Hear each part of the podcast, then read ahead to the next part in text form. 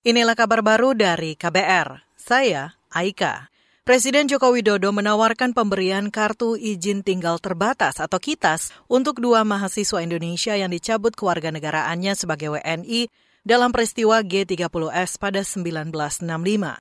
Kedua mahasiswa itu, Sudaryanto Yanto Priyono dan Yaroni Suryo Martono, terdampar di negara Uni Soviet dan Ceko usai pencabutan tersebut yang kemudian menjadi warga negara di sana. Dan dikirimkan dari Indonesia ke Rusia maupun ke Ceko. Kemudian ada peristiwa 65, beliau-beliau ini tidak bisa kembali ke Indonesia. Bayangkan, masih mahasiswa. Itu tadi Presiden Joko Widodo saat berada di Aceh dalam kegiatan kick-off program penyelesaian kasus pelanggaran HAM berat secara non-yudisial. Sebelumnya, Jokowi menaikkan keputusan Presiden tentang pembentukan tim penyelesaian non-yudisial pelanggaran HAM berat masa lalu pada Agustus 2022. Kitas yang diberikan kepada Sudaryanto dan Suryo merupakan salah satu realisasi rekomendasi PPHAM.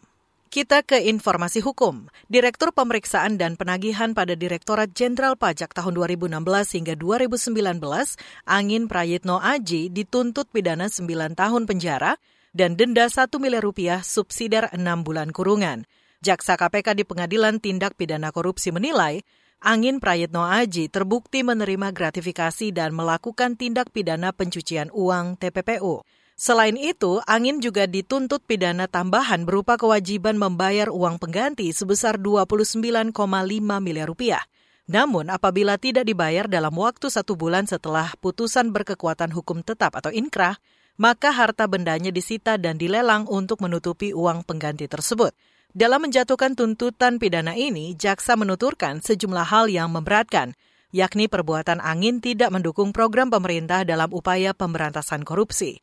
Selain itu, angin juga tidak mengakui perbuatannya dan berbelit-belit dalam memberikan keterangan. Kita ke Jawa Tengah. Komisi Pemberantasan Korupsi KPK menahan tiga pejabat pemerintah Kabupaten Pemalang, Jawa Tengah sebagai tersangka kasus suap jual beli jabatan. Pelaksana tugas Deputi Penindakan dan Eksekusi KPK, Asep Guntur Rahayu mengatakan, ketiga tersangka tersebut ialah Kepala Dinas Perumahan dan Kawasan Permukiman Kabupaten Pemalang, Muhammad Ramdon, Kepala Badan Kesatuan Bangsa dan Politik Bambang Haryono, dan Kepala Dinas Lingkungan Hidup Raharjo. Untuk keperluan proses penyidikan, tim penyidik menahan tersangka MR, BH, dan RH untuk masing-masing selama 20 hari pertama, terhitung mulai tanggal 27 Juni hari ini sampai dengan tanggal 16 Juli tahun 2023 di rutan KPK pada Pomdam Jaya Guntur.